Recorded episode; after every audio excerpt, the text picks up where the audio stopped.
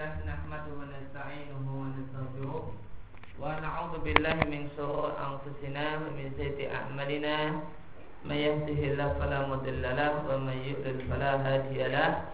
وأشهد أن لا إله إلا الله وحده لا شريك له وأشهد أن محمدا عبده ورسوله صلى الله عليه وعلى آله وصحبه وسلم. وبعد. Ikhwatna wa akhwat fiddin yang dilakukan oleh Allah Subhanahu wa taala, kita masih membahas uh, ayat yang ke-12 dari surat Yasin. Allah Subhanahu wa taala berfirman, "Wa kullu syai'in ahsaynahu fi imamin mubin." Dan segala sesuatu telah kami catat fi imamin mubin di kitab yang menjelaskan segala sesuatu. Kalau mu'alif penulis kitab jalan lain mengatakan ahsainahu maknanya nahu kami mencatatnya maka al-ihsa di sini ahsaina itu berarti al-ihsa. Ihsa maknanya adalah abdabat adalah mencatat. Diambil dari kata-kata al-hasa yang artinya kerikil karena bangsa Arab adalah bangsa yang buta huruf ya, Tidak mengerti tulis menulis Maka mereka mencatat sesuatu Mencatat angka Itu dengan kerikil atau semisalnya Mereka mengukur jarak Dengan tombak Atau serupa dengannya. Mereka tidak membaca dan tidak menulis maka mereka jika ingin menghitung sesuatu maka mereka mengambil kerikil. Faida su'ilu maka jika mereka ditanya berapa jumlah kabilahmu?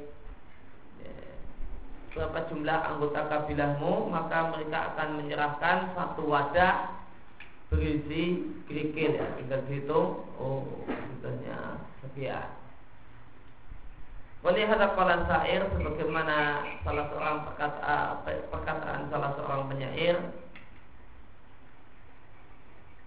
Walasta bi aksara minhum hasa. Dan anda tidaklah lebih banyak kerikilnya daripada mereka. Itu tidak uh, dan anda tidak lebih banyak jumlahnya daripada mereka. Wa inna wal izzatu lil kafiri dan kemuliaan hanyalah pada yang jumlahnya banyak. Walat talbi aksara minhum hasa maknanya adalah kaum anda, suku anda bukanlah orang yang berjumlah banyak. Dan uh, al-masal dan ada satu perumpamaan satu peribahasa mengatakan ja'a qaumun kusrul hasa. Kusrul hasa. Datanglah sekelompok orang yang banyak kerikilnya, maksudnya adalah orang yang banyak jumlahnya. Sehingga kesimpulannya Asainahu maknanya Dobatnahu kami mencatatnya Dan di sini pencatatan disebut dengan ihsa Yang artinya adalah menghitung dengan kerikil karena orang Arab itu mencatat sesuatu bil dengan memanfaatkan kerikil. Maka segala sesuatu kami catat di imam mubin dalam e, kata penulis jalan lain imam maknanya adalah imam mubin maknanya adalah kitab mubin. E, kitab yang menjelaskan segala sesuatu. Atau sahihun ini adalah tafsiran yang benar eh, Karena imam itu memiliki beberapa makna Dalam bahasa Arab Imam itu memiliki beberapa makna yang semuanya mengandung makna menjadi rujukan. Eh. Contohnya imam sholat Imam sholat disebut imam karena dia jadi rujukan para makmum dalam artian para makmum mengikutinya. Demikian pula ada penguasa ya, kepala negara itu disebut imam. Kenapa? Karena dia menjadi rujukan banyak orang ketika ada masalah. Ketika ada sengketa, maka diadukan kepada penguasa, diadukan kepada imam, diadukan kemudian imam menyelesaikan dengan perangkat yang telah e, mereka buat. Demikian juga kitab, ya, buku catatan, ya, itu bisa disebut imam ketika buku tersebut menjadi rujukan, menjadi acuan. Sebagaimana firman Allah Subhanahu wa taala, "Wa kullu insanin anzalna ta'irahu fi unuqih."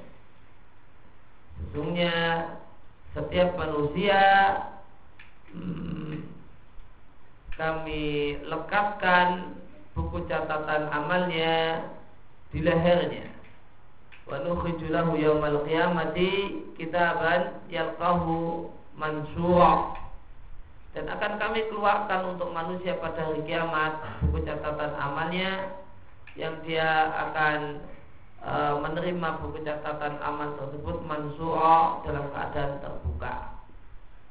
Kemudian dikatakan pada manusia, bacalah buku catatan Anda kafa sekali yang alaika hasiba cukuplah pada hari ini Anda sebagai orang yang menghitung uh, memperhitungkan amal Anda sendiri. Surat Al-Isra ayat 13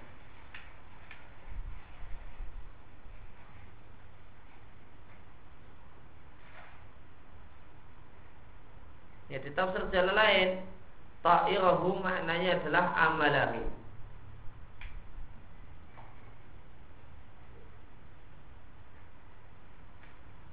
Wakula insanin anzamna ta'irahu Setiap manusia Kami pikulkan Ta'irahu Amal perbuatannya Fi di lehernya. Dan tentang ayat ini Mujahid mengatakan tentang surat Al-Isra ayat 13 Mujahid mengatakan tidak ada satupun anak terlahir kecuali di lahirnya terdapat satu lembaran tertulis di sana status anak ini apakah orang celaka calon penghuni neraka ataukah orang yang bahagia calon penghuni surga.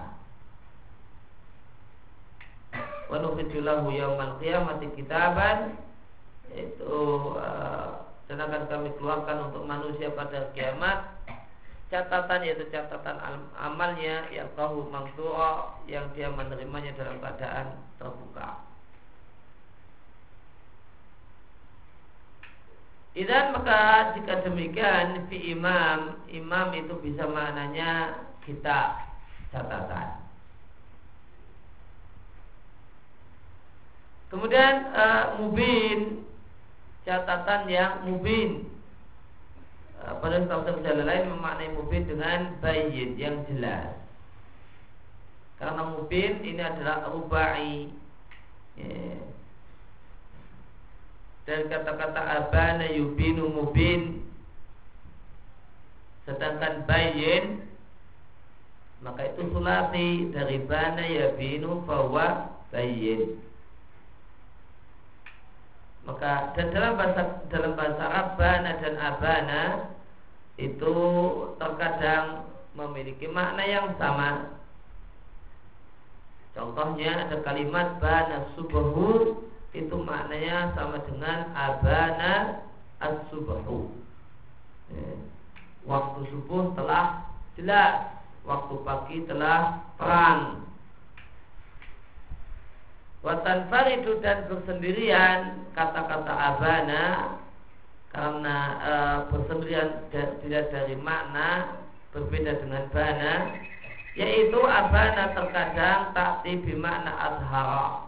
Datang dengan makna menampakkan dan menampakkan. Abana syai'a artinya adalah azharahu menampakkan wa audahu dan menampakkan. Sehingga kesimpulannya abana itu punya dua makna. Pertama jelas nampak.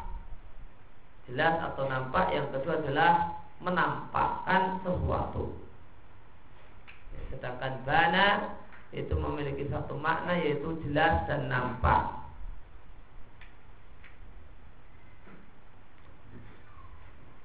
Nah bagaimanakah dengan kata-kata mubin dalam Al-Quran? Faidah ja'at kalimat mubin Jika terdapat jika kita jumpai kata-kata mubin dalam Al-Quran Maka e, mubin dalam Al-Quran itu tasluhu boleh jadi e, Maknanya adalah bayin Yang kedua dan boleh jadi Maknanya adalah muzhir muwatih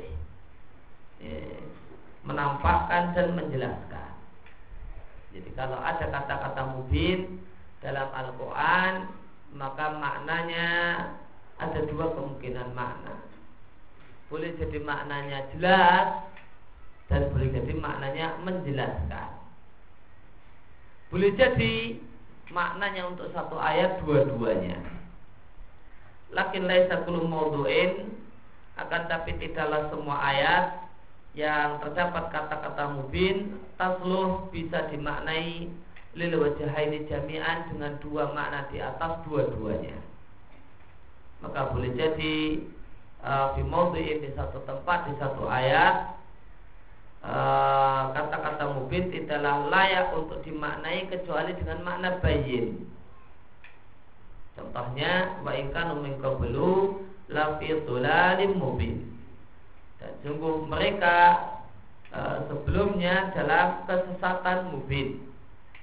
Mubin di sini tidak mungkin kita maknai kecuali bayin. Kesesatan yang nyata.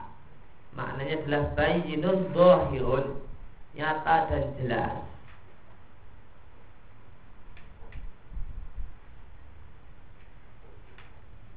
Lain lagi dengan firman Allah Subhanahu wa taala di surat Dukhan kutipannya kok e, nggak utuh nggak ada mubinnya cuma hamim saja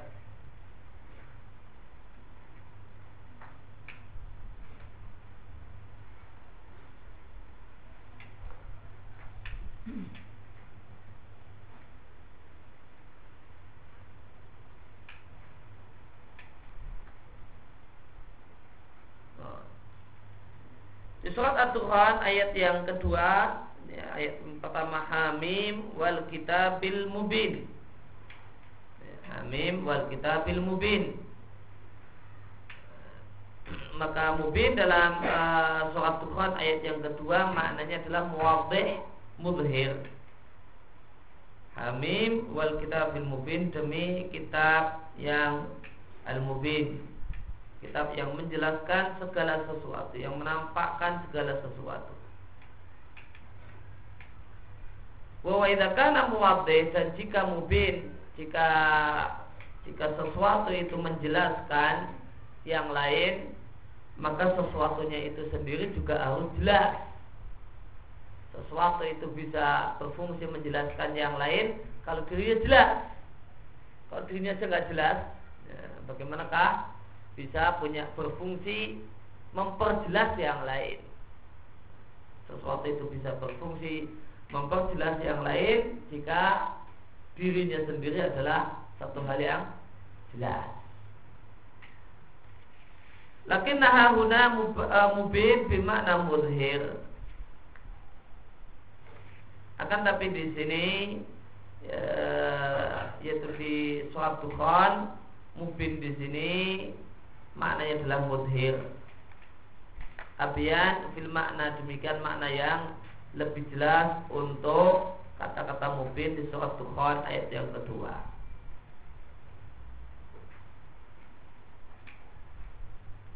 So kalimat mubin maka kata-kata mubin jika layak e, kita jadikan sebagai rubai ya, sehingga maknanya adalah menampakkan maka itu lebih baik jika daripada kita tafsirkan dia sebagai uh, berasal dari kata kerja sulasi sehingga maknanya jelas. Kenapa? Kalau bisa kita maknai menjelaskan itu lebih baik daripada jika kita maknai jelas. Liana muzhir karena jika karena sesuatu yang menjelaskan maka terkumpul pada dirinya dua hal. Pertama adalah az-zuhur binafsihi, dirinya sendiri jelas. Kemudian yang kedua al-izhar li ghairihi, memperjelas yang lain. Yakunu wa asmal sehingga maknanya lebih luas. Ya. Maka di sini uh, penulis menyampaikan tentang kaidah penafsiran mubin dalam Al-Quran. Ya, kalau kita jumpai kata-kata mubin dalam Al-Quran, maka uh, boleh jadi maknanya adalah jelas dan boleh jadi maknanya memperjelas yang lain, menjelaskan yang lain. Dan pada asalnya jika mungkin memungkinkan kita untuk memaknai dengan makna yang kedua, maka itu yang lebih baik. Kalau di satu ayat, jika dilihat dari konteks, ya, dimaknai dengan makna memperjelas itu tidak uh, uh, masalah, maka itu yang lebih baik. Karena jika mubin di situ maknanya memperjelas, maka berarti dia adalah sesuatu yang jelas pada dirinya sendiri kemudian memperjelas sesuatu yang lain. Dan apa yang dimaksud dengan imam mubin?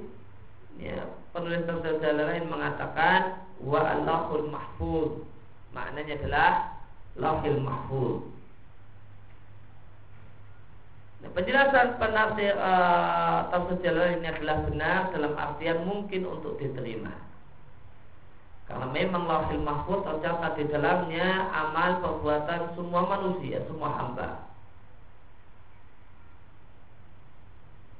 Akan tapi kembali kepada mubin di dalam ayat ini, apakah yang paling tepat yaitu ditafsirkan sebagaimana penafsiran tafsir jalan lain yaitu artinya adalah jelas ataukah yang tepat adalah mubin di sini maknanya menjelaskan. Dengan kata dengan kata lain, Imam Mubin itu maknanya tafsirannya yang benar adalah kitab yang jelas ataukah kitab yang menjelaskan dan menampakkan berbagai fakta dan berbagai realita. Maka kemungkinan besar makna yang kedua itu yang lebih baik. Kemungkinan besar makna yang kedua yang lebih baik. Maka Al-Quran adalah imam yang mubin dalam artian kitab yang uh, maka uh, kalau kita tafsirkan lauhil mahfuz maka lebih baik uh, dengan makna yang kedua maka lauhil mahfuz adalah kitab mubin adalah kitab yang memperjelas segala sesuatu, yang menjelaskan segala sesuatu. Karena tercatat di sana uh, takdir Allah Subhanahu wa taala atas semesta alam. Maka dia menjelaskan segala sesuatu. Lianna hadal kitab karena kitab ini menjelaskan segala uh, berbagai perkara dan memperjelaskannya. Dan sebagaimana tadi telah kami sampaikan bahasanya sesuatu yang memperjelas maka berarti dia mestilah bayin, jelas pada dirinya sendiri. Faya salihatun lima yakulu maka itulah yang cocok untuk perkataan penulis tafsir jalan lain bahwasanya Imam Mubin adalah lahil mahfuz.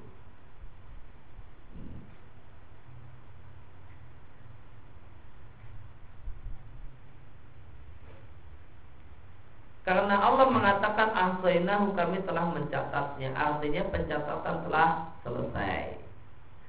Maka jika menimbang bahasanya Allah mengatakan ahsainahu kami uh, telah mencatatnya. Berarti pencatatan selesai. Maka Imam Mubin ya, Tidaklah salah jika diartikan dengan lauhil mahfud Dan memang lauhil mahfud itu mubin dalam artian menjelaskan segala sesuatu karena dia menjelaskan tentang berbagai kejadian dan takdir Allah atas semesta alam. Wayajuzu namun tidaklah salah pula dan boleh-boleh saja seandainya Imam Mubin di sini kita maknai dengan lembaran catatan amal. Karena lembaran catatan amal itu juga Imam Mubin juga kitab yang menjelaskan karena di sana dijelaskan amal-amal apa saja yang pernah dilakukan oleh manusia. Sehingga Allah mengatakan pada kiamat, bacalah kitab catatan amalmu kabar binafsika yauma 'alaika hasiba maka hari ini cukuplah Anda menghisap diri Anda sendiri. Kenapa? Karena Anda telah membaca catatan di hadapan Anda ada catatan yang menjelaskan segala amal perbuatan yang dengan lengkap segala amal perbuatan yang telah dilakukan oleh manusia. Demikian penjelasan global untuk surat Yasin ayat yang ke-12 Kemudian bukunya adalah kandungan ayat Pertama uh, ayat ini menjelaskan tentang uh, kemahakuasaan Allah Azza wa Jalla dalam menghidupkan orang-orang yang sudah mati. Waqad barhanallahu azza wa jalla dan Allah telah mendatangkan burhan, mendatangkan bukti bahasanya Allah zat kuat, zat yang kuasa untuk menghidupkan berbagai makhluk yang mati. Allah dalili, Allah berikan bukti dengan bukti logika, dan bukti realita. Adapun bukti logika adalah semisal firman Allah Taala, "Wa walladhi yabda'ul khalqa tsumma yu'idu." Dan dialah Allah zat yang memulai penciptaan dan dialah zat yang nanti akan mengulangi penciptaan wa huwa ahwanu alaihi dan mengulangi penciptaan itu lebih ringan bagi Allah daripada memulai penciptaan. Maka apa yang Allah firmankan di surat Ar-Rum ayat 27 ini adalah bukti logika bahasanya mungkin saja Allah Subhanahu wa taala menghidupkan yang sudah mati. Wajuhu penjelasannya karena mengembalikan penciptaan lebih ringan daripada memulai penciptaan. Maka zat yang kuasa untuk memulai penciptaan bahkan tanpa contoh sebelumnya tentulah mimba bil tentulah lebih kuasa lagi untuk sekedar mengulangi penciptaan.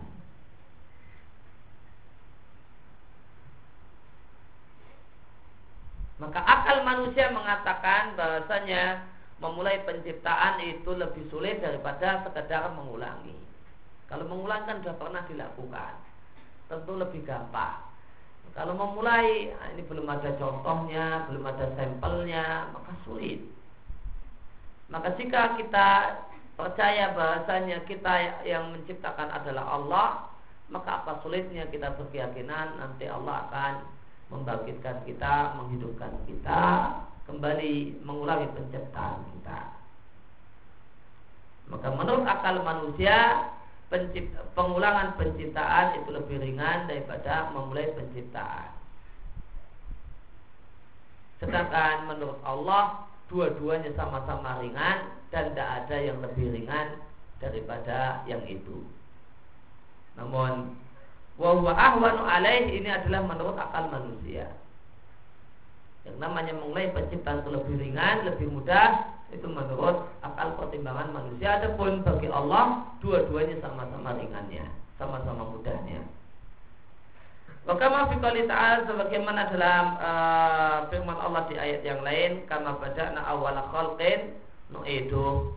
Sebagaimana kami mulai awal penciptaan kami akan mengulangi penciptaan wa'dan alaina. Sebagai janji atas kami inna kunna fa'ilin pasti kami akan melakukannya. Pasti kami akan melakukan yaitu men, yaitu mengembalikan penciptaan.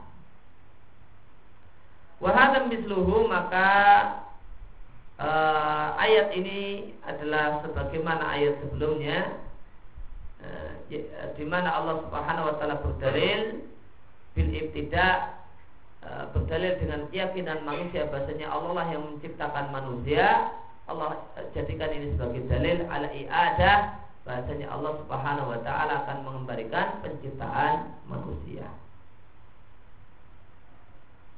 Maka bangkit dari kubur itu disebut dalam ayat ini sebagai peng, uh, mengulangi penciptaan. Maka ini menunjukkan bahasanya manusia akan dibangkitkan sebagaimana keadaan manusia tersebut. Nah, bukan uh, ketika dibangkitkan dia menjadi makhluk yang baru bukan. Namun dia akan dikembalikan sebagaimana dulu sebelum dia mati maka itulah dalam bentuk semacam itulah dia akan dibangkitkan. Maka ya, maka ketika dulu dia hidupnya misalnya orangnya berkulit hitam ya bangkitnya berkulit hitam. Yang tidak berkulit hitam ya bangkitnya tidak berkulit hitam. Diulangi sebagaimana awal penciptaan. Maka bukan penciptaan baru namun sekedar mengulangi awal uh, mengulangi penciptaan itu al-ba'tsu uh, bangkit dari kubur. Dan Allah mengatakan kama bada'na awal khalqin sama persis sebagaimana kami mengawali uh, penciptaan, memulai penciptaan pada awalnya. Artinya Eh, pada pertama kali Allah ciptakan kita dalam keadaan lahir dalam keadaan uh, tanpa berpakaian dan uh, tanpa berkhitan, tanpa beralas kaki, maka seperti itulah Allah Subhanahu wa taala akan bangkitkan seluruh manusia dan kubur mereka dalam keadaan tidak berpakaian, dalam keadaan tidak beralas kaki. Kama badana awal khalqi. Sama persis sebagaimana awal penciptaan seperti, seperti itulah pengulangan penciptaan. Wa amal adillah al-hissiyah adapun dalil uh, dalil realita dalil yang bisa ditangkap dengan indera kalau Allah uh, bisa ma, uh, mudah bagi Allah untuk mengembalikan penciptaan Fama aksara maka betapa seringnya Allah membuat permisalan dengan hidupnya tanah, dengan suburnya tanah setelah matinya tanah. Maka itu adalah bukti kalau Allah kuasa untuk menghidupkan makhluk-makhluk yang sudah mati.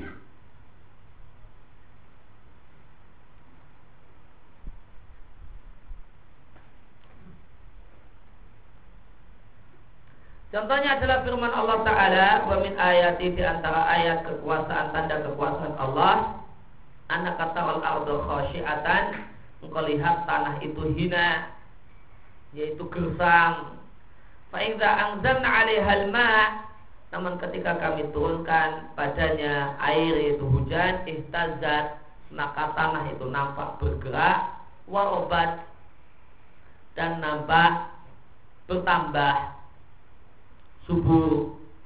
Ya, maka jadilah bergerak dan bertambah yaitu subur Innalladzi ahyaha la muhyil mauta Sungguh zat yang menghidupkan tanah dari kematian yaitu gersang menjadi subur adalah zat yang kuasa untuk menghidupkan makhluk-makhluk yang sudah mati. Inna ala kulli syai'in qadir. Dia dia maha kuasa atas segala sesuatu. Uh, di surat ini di ayat ini ayat uh, surat Fusilat ayat 39 kita jumpai satu faedah yaitu makna riba dalam bahasa Arab. Ya, riba dalam bahasa Arab maknanya adalah bertambah, warobat. Ya, artinya bertambah. Sedangkan makna riba secara syar'i tidak mesti bertambah. Ya, boleh jadi bentuknya penambahan dan boleh jadi bentuknya penundaan tanpa ya, tanpa adanya penambahan. Maka ketika seorang itu membeli emas dengan uang, maka e, harus kontan atau dikredit. Ya, ya, dikredit ini emas harganya 500 ribu, maka e, hari ini bayar 300 ribu, besok 200 ribu, maka terjadi riba terjadi riba meskipun 500 ribu itu yang nilai emas tadi. Maka di sini terjadi riba dalam bentuk penundaan. Disebut dengan riba nasiah. Maka kalau secara bahasa riba itu artinya penambahan, adapun dalam syariat maka riba boleh jadi bentuknya penambahan dan boleh jadi ada riba dengan bentuk penundaan. Sesuatu yang harusnya kontan kok dicicil nah, tidak kontan tidak cash maka juga disebut riba. Wal ayat fi e, kemudian juga firman Allah wa anzalna minas sama imaan mubaraka. Dan kami turunkan dari mendung. Sama di sini maknanya sahab. Mendung ma'an mubarakan air yang penuh berkah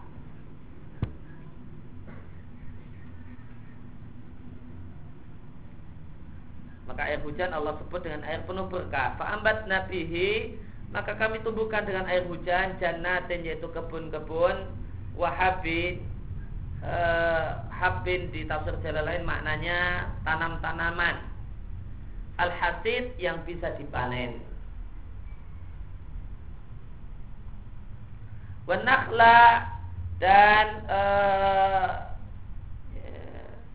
dan pohon kurma basikotin yang panjang-panjang yang tinggi-tinggi lahatalhun nobit uh, pohon kurma tersebut memilih mayang yang bertumpuk-tumpuk.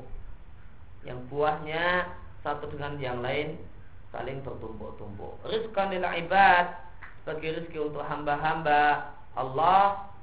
Wa ahyayna fi baldatan maita dan dengan air hujan kami hidupkan tanah yang mati kadzalika seperti itulah al khuruj e, keluarnya manusia dari kubur mereka masing-masing maka sebagaimana tanah itu dihidupkan, maka seperti itulah keluarnya manusia dari kubur mereka masing-masing. Dan ayat tentang masalah ini tentang uh, Allah mendalili uh, adanya hari berbangkit dengan realita satu hal yang sangat banyak sekali. Maka Allah Subhanahu wa taala berhana mendatangkan bukti dan burhan kalau Allah kuasa untuk menghidupkan makhluk yang sudah mati dengan dalil logika dan dalil realita. Ditakuna lidawil ukuli dalilan supaya itu semua menjadi dalil, menjadi bukti, argumen bagi orang-orang yang memiliki akal pikiran, walidil absar dan orang-orang yang memiliki pandangan.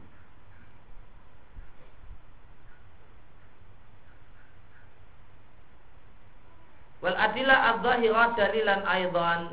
Dan uh, dan bukti uh, yang nyata adalah juga bukti.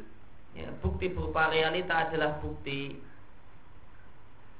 Fal insan al aklani maka manusia yang uh, rasionalis yang mengedepankan akal sebagaimana sebutan yang sering disebut sebutan yang diberikan oleh banyak orang maka kepada ketika kita mau mendakwai seorang yang aklani, seorang yang rasionalis, maka kita mau mendakwainya, mau mendalilinya, eh, nastadillahu au alaihi bil akli. Maka kita akan mendakwainya dengan menggunakan logika. Boleh jadi logika untuk menyudutkannya ataupun uh, ya menyudutkannya, menyalahkannya ataupun uh, membelanya. Adapun uh, al-insan al-satahi adapun manusia yang uh, yang polos ya. Aladillah yastadil yang dia tidaklah bisa berdalil kecuali dengan melihat realita maka kita dalili dia dengan adilah hissiyah dengan dalil berupa realita yang bisa dilihat dengan mata kepala dan bisa dilihat dengan indera.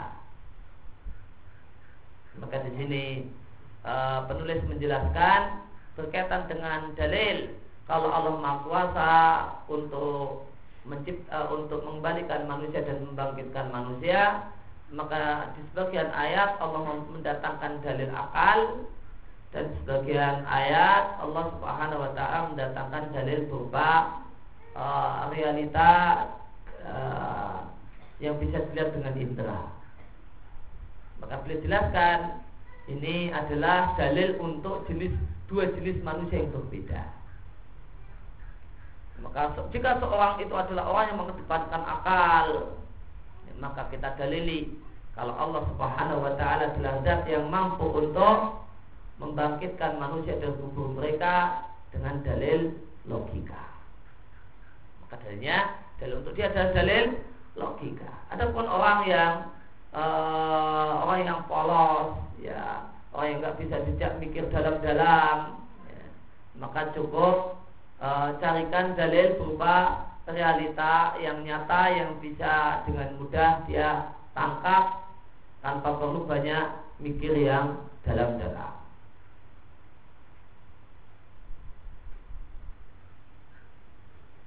Maka kepada orang kafir eh, Orang yang kafir dengan hari berbangkit Maka ini orang kafir Tidak mungkin kita dalil dengan Quran dan hadis. Karena dia tidak menerima Quran dan hadis. Maka uh, maka orang yang kafir yang tidak percaya dengan hari berbangkit ya mungkin kita dalil dengan ayat Al-Quran dan hadis Nabi. Karena dia tidak menerimanya. Dia mengkafirinya. Uh, maka Eh, maka hujah untuk mereka adalah dengan logika atau dengan realita. Kemudian eh, kandungan yang kedua dalam ayat ini terdapat isyarat bahasanya orang yang tidak merasa takut kepada Allah dan tidak mengikuti adzikr, mengikuti Al-Quran, maka Allah kuasa untuk menghidupkan kembali hatinya sehingga dia berubah menjadi orang yang merasa takut pada Allah dan mengikuti Al-Quran. Sisi pendalilannya adalah karena Allah Subhanahu wa taala menyebutkan hal ini, menyebutkan tentang uh, hal ini setelah Allah menyebutkan kalau manusia terbagi uh, kepada orang yang merasa takut kepada Allah ketika dia sepi dan sendiri dan mengikuti Al-Qur'an dan ada manusia yang tidak seperti itu. Maka maka hal ini mengisyaratkan setelah itu Allah menyebutkan kalau Allah mampu untuk menciptakan uh, atau mengembalikan penciptaan maka ini mengisyaratkan bahasanya Allah Subhanahu wa taala pun kuasa untuk membalikan mereka-mereka orang-orang yang telah sesat uh, dan telah mati hatinya ilal haq agar kembali kepada kebenaran. Kemudian di antara kandungan ayat eh, uh, ayat yang ke-12 surat Yasin segala sesuatu telah tercatat boleh jadi itu adalah nikmat untuk manusia Yang tercatat adalah nikmat untuk manusia Ataupun alaihi Ataupun musibah dan bencana untuk manusia. Wa naktubu maqaddamu wa asarahum Allah berfirman kami telah mencatat Semua amal perbuatan mereka. Maka semuanya telah tercatat Kemudian uh, ayat ini juga menunjukkan bahasanya Allah mencatat segala sesuatu baik itu sedikit ataupun banyak, kecil ataupun besar. Ya.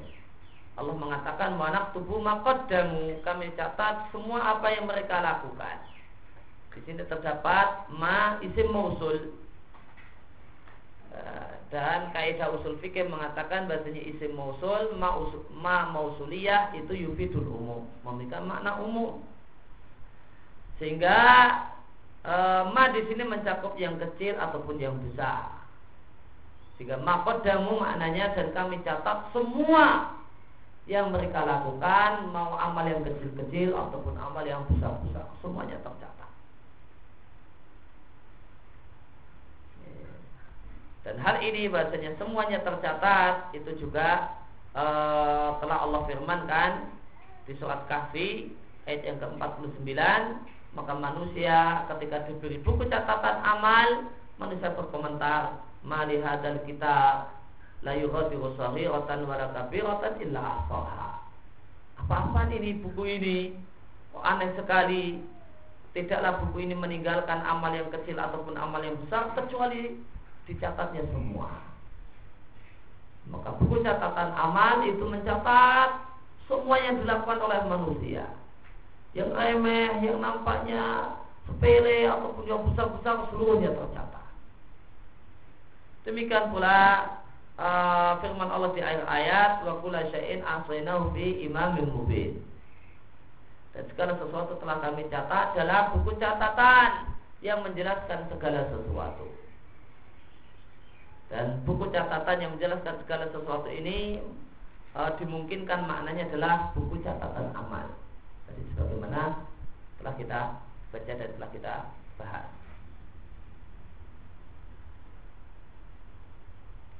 Kemudian kandungan yang lain dari ayat ini bahasanya amal perbuatan manusia bahasanya sebagian amal perbuatan manusia itu tidaklah terputus dengan kematian. Karena Allah mencatat wa atharohum dan jejak-jejak mereka. Dan berkaitan dengan apa yang dimaksud dengan jejak-jejak amal telah kami sebutkan beberapa macam dan bentuk jejak-jejak amal ada orang yang meninggalkan jejak amal berupa meninggalkan ilmu yang diambil manfaatnya ataupun sedekah yang mengalir pahalanya ataupun anak soleh yang mendoakannya.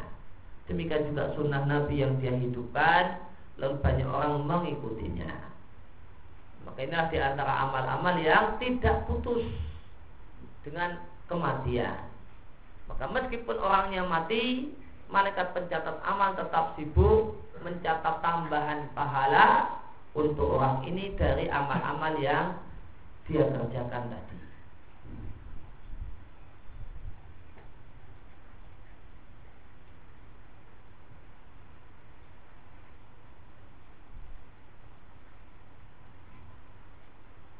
Kemudian kandungan ayat berikutnya adalah dalam ayat ini terdapat penjelasan tentang hikmah Allah Azza wa Jal dalam mencatat segala perkara dan mencatatnya dengan penuh ketelitian. Wa annahu la yafutuhu syai'un. Dan tidak ada satupun yang terlewat dari catatan Allah. Semuanya semuanya tercatat. Ini menunjukkan kalau catatan itu adalah catatan yang teliti. Karena semuanya tercatat. Kalau orang itu nyatat nggak teliti, maka ada sebagian yang harusnya tercatat tidak tercatat. Namun catatan Allah adalah catatan yang teliti. Buktinya Allah mengatakan kulla syai'in semuanya segala sesuatunya ahsainahu telah kami catat.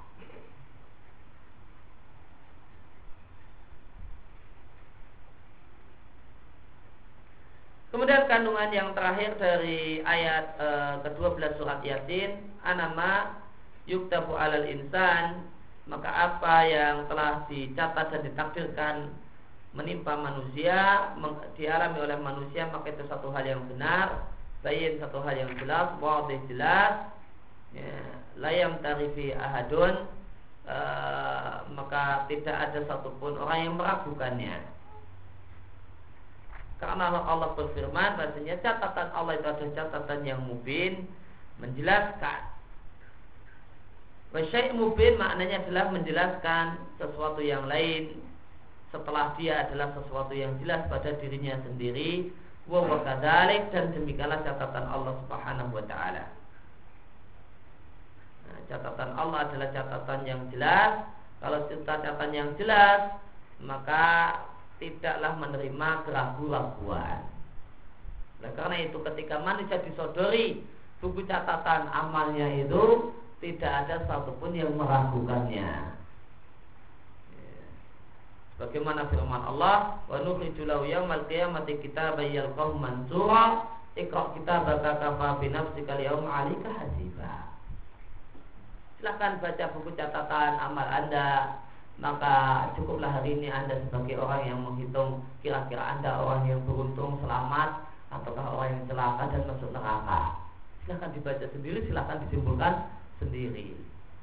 Dan Allah katakan tidak ada manusia dan Allah, Allah tidak menyebutkan adanya manusia yang mengingkari Allah ini. Apa benar kayak gini? Ya, tidak ada yang uh, manusia mempertanyakan hal semacam itu. Kenapa? Catatan Allah catatan yang mubin. Catatan yang mubin. Catatan yang uh, menjelaskan segala sesuatu dengan jelas dan detail. Sehingga tidak menerima keraguan-raguan.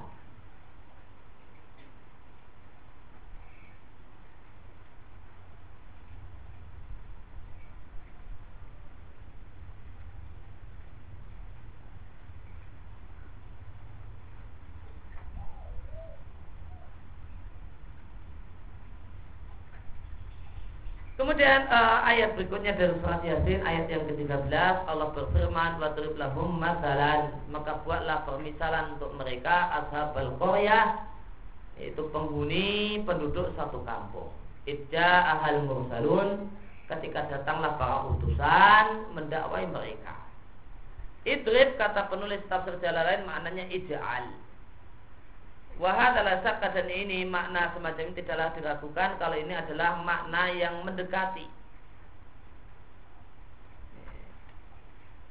Makna yang mendekati untuk e, kata-kata e, idrib dalam konteks ini. Sehingga maknanya ija'al masalan. Buatlah permisalan. Namun ada juga penjelasan yang lain yang mengatakan idrib masalan maknanya idrib maknanya ittakhid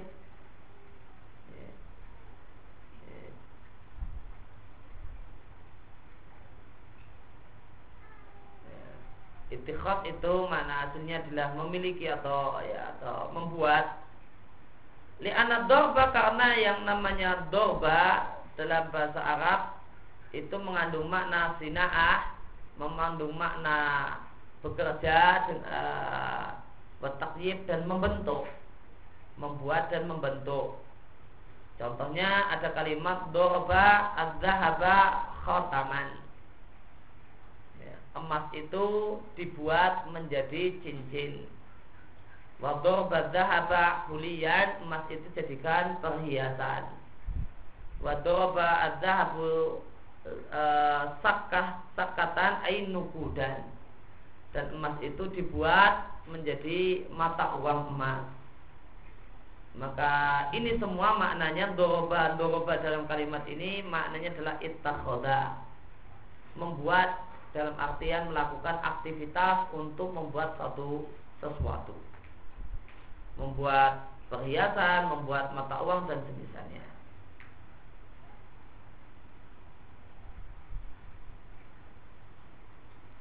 Maka jika kita maknai dengan idrib dengan ittakhid, maka di sini menyebutkan permisalan yang diambil pelajaran itu diserupakan dengan aktivitas seseorang membuat suatu benda. Karena yang namanya permisalan itu biasanya e, meliputi hayah mutakamilah adalah satu e, yang namanya permisalan itu adalah satu gambaran yang sempurna yang gambaran sempurna ini tersusun dari beberapa bagian-bagian. Maka ini perlu dibuat perlu ada upaya untuk membuat agar susunan ini tersusun dengan baik dan rapi.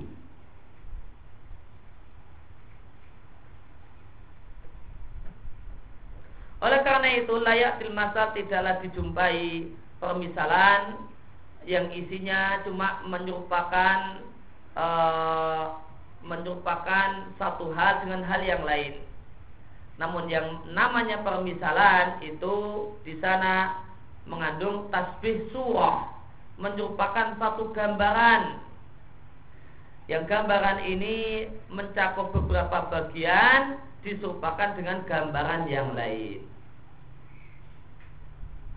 Oleh karena itu maka membuat permisalan itu menggunakan doroba masalan artinya adalah sona'am masal membuat permisalan. Sebagaimana orang membuat wadah, membuat cincin dan Eh, dan benda-benda yang lain min ma'adim dari bahan tambang.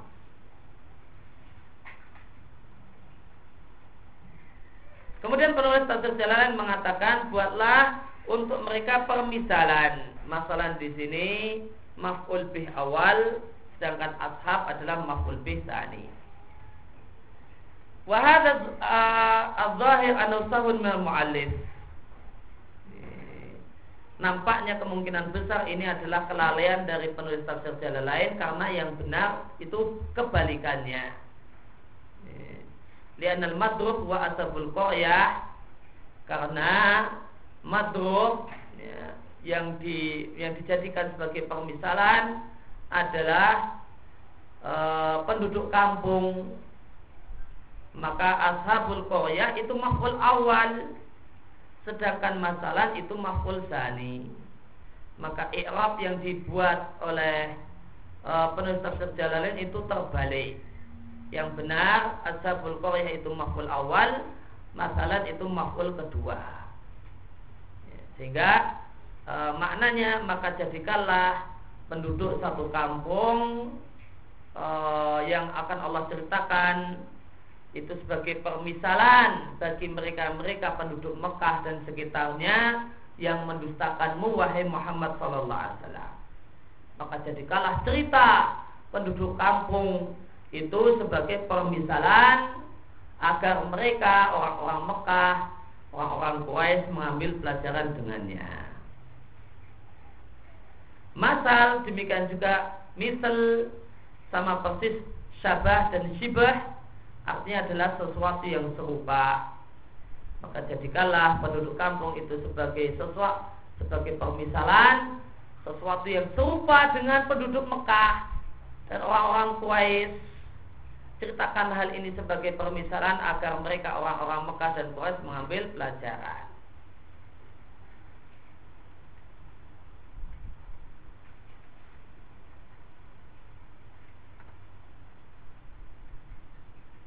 Wadrib buatlah maka di sini al khitab di sini yang dipanggil e, adalah satu orang yaitu al Rasul alaihi salatu wassalam. Ya.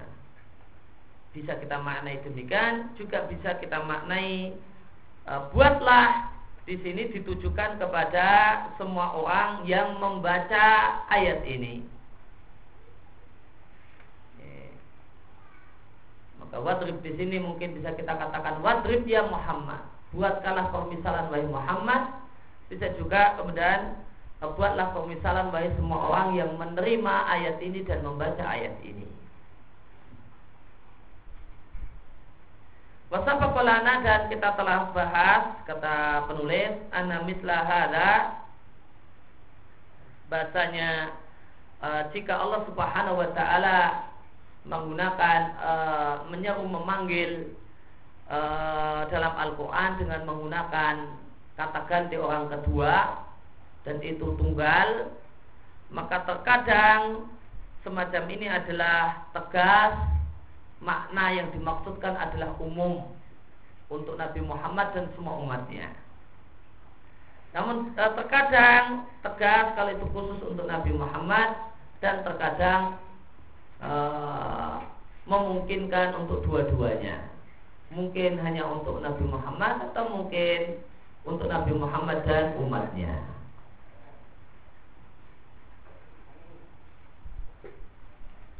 Maka di antara contoh ayat yang di sana tegas, di situ memanggil Nabi Muhammad dan itu tegas hanya khusus untuk Nabi Muhammad, umatnya tidak tercakup di dalamnya adalah firman Allah di surat Al-Insyirah.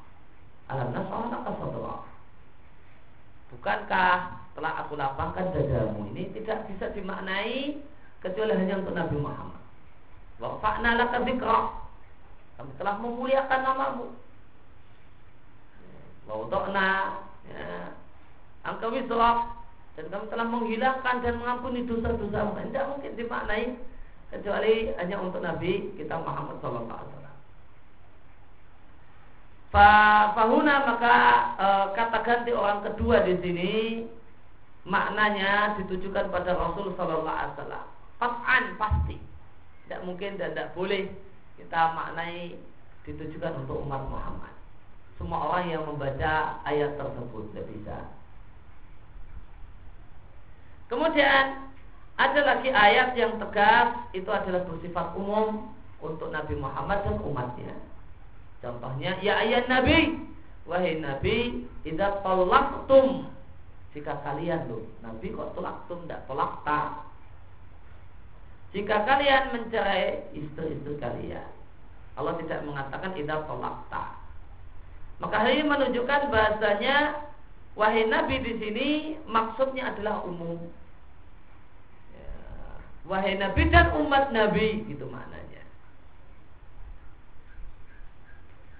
Kemudian di sebagian ayat e, terdapat ihtimal dimungkinkan khusus untuk Rasul Shallallahu Alaihi Wasallam atau bersifat umum. Jadi ini satu hal yang banyak dalam Al-Quran.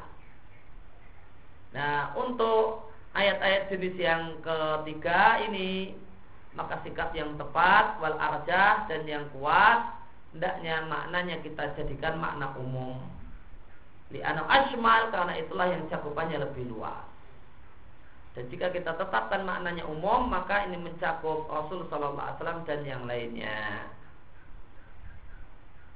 Nah di antara contoh yang bersifat uh, jenis ketiga adalah ini surat Yasin ayat yang ke-13 buatlah.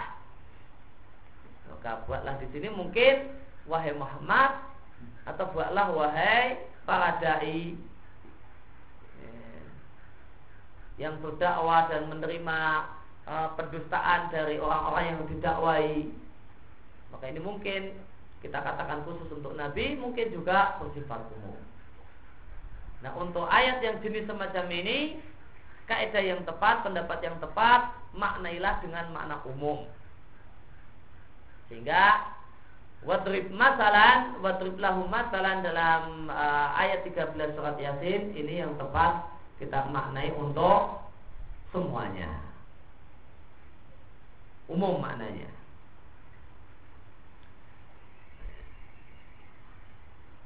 Maka jika kita tetapkan maknanya umum maka mencakup Rasul dan yang lainnya. Dan jika demikian maka kita katakan kepada Eh, semua dai saat ini dai Islam saat ini buatlah permisalan untuk orang-orang yang mendustakan dakwah dengan sebuah dengan sebuah kampung yang Allah ceritakan di surat Yasin ini.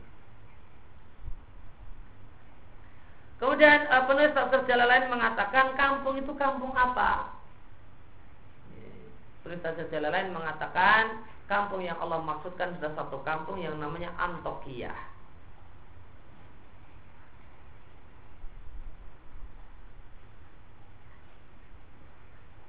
Nah kalau kita katakan bahasanya Korea di sini adalah satu Korea namanya Antokiyah, maka al dalam kata-kata Korea itu statusnya di ahdi zihni. Yakni sehingga seakan-akan kampung ini adalah kampung yang sudah terkenal dan sudah dipahami oleh orang-orang yang membacanya. Akan tapi penafsiran ini dinilai penafsiran yang kurang kuat oleh Ibnu Katsir dalam tafsirnya.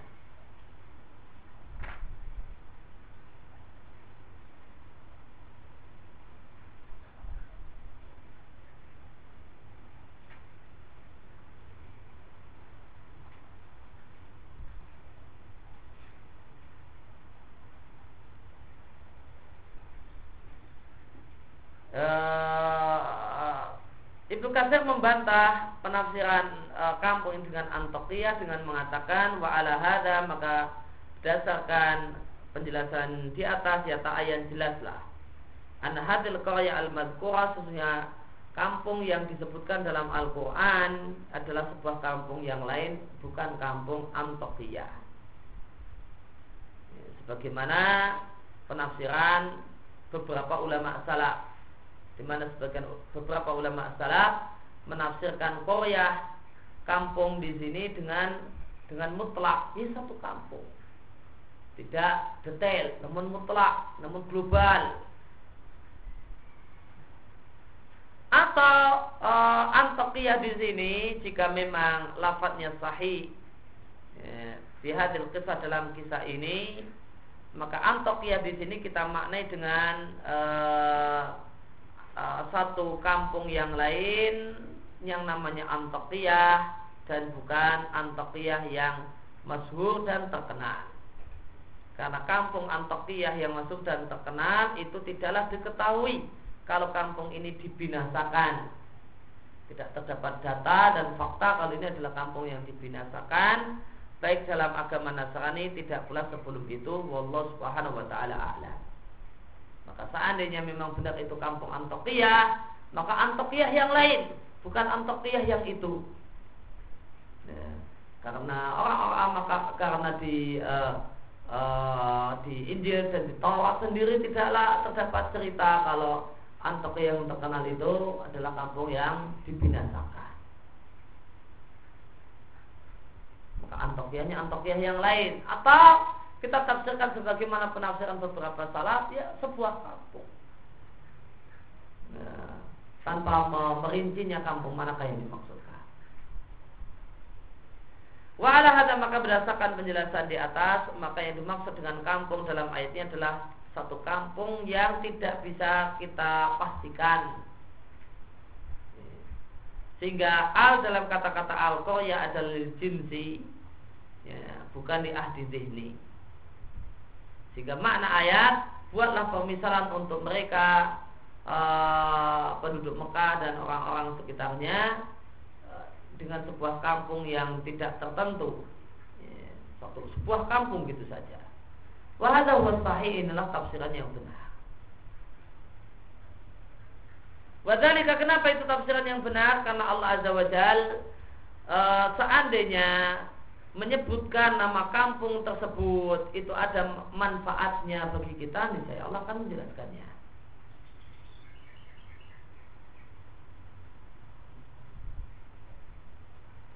Warisan maksud padahal bukanlah maksud dari cerita-cerita dalam Al-Quran sebagaimana maro alaina kathiran telah sering kami sampaikan. Tidaklah maksud dengan maksud dari cerita-cerita yang ada dalam Quran bukanlah maksud dan tujuannya adalah menyebutkan person, menyebutkan pelaku, menyebutkan tempat dan waktu. Karena apa? Karena laisa fi kasih faidah. Karena karena hal ini tidaklah begitu banyak faedahnya bil biasanya. Padahal maksud Allah Subhanahu wa taala mendatangkan kisah dalam Al-Qur'an maksudnya adalah mengambil pelajaran yang ada dalam kisah pemawakak dan peristiwa yang terjadi.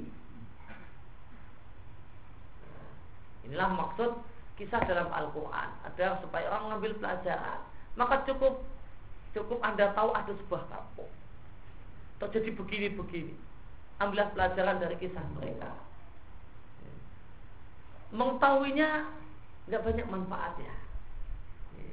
Karena yang mau, mau jadi pokok masalah yang mau diambil adalah pelajaran di balik kisah kejadian yang terjadi di kampung tersebut.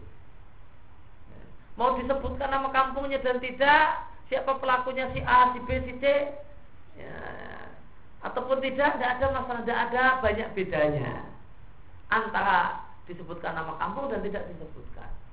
Tidak, tidak terdapat banyak uh, perbedaan.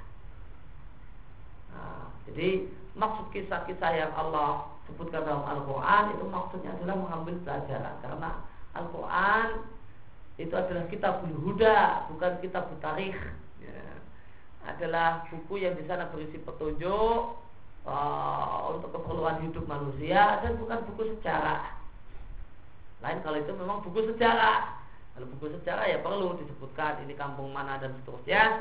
Tapi karena ini bukan buku sejarah, namun kita huda, namun tujuannya adalah memberikan petunjuk untuk manusia, maka petunjuk itu bisa tersampaikan dengan men, uh, dengan menyebutkan sebuah cerita tanpa memberikan detail kampungnya namanya apa, kejadiannya tahun berapa, pelakunya siapa siapa.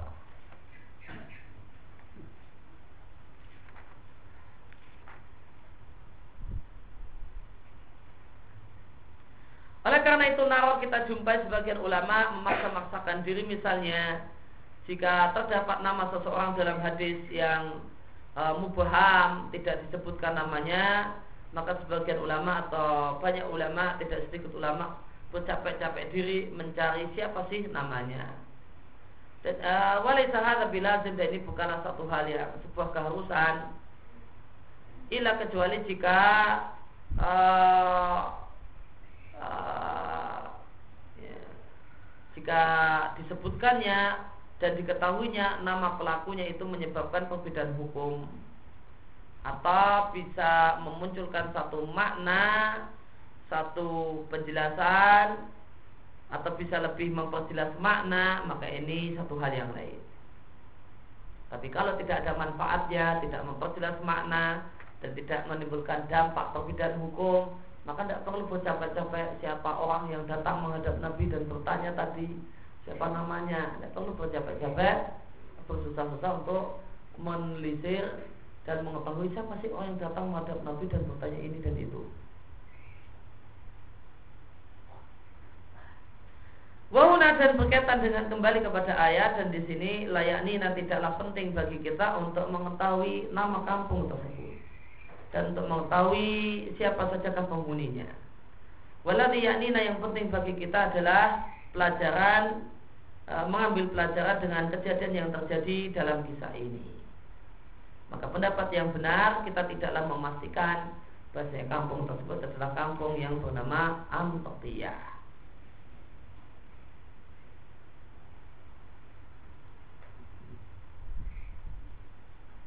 ya kisah detailnya akan kita bahas di kesempatan yang akan datang. Sallallahu ala Nabi Muhammadin wa ala alihi wa sallam wa ta'ala alhamdulillahi rabbil alamin. Subhanakallah wa bihamdika asyhadu an la ilaha illa anta astaghfiruka wa atubu ilaik.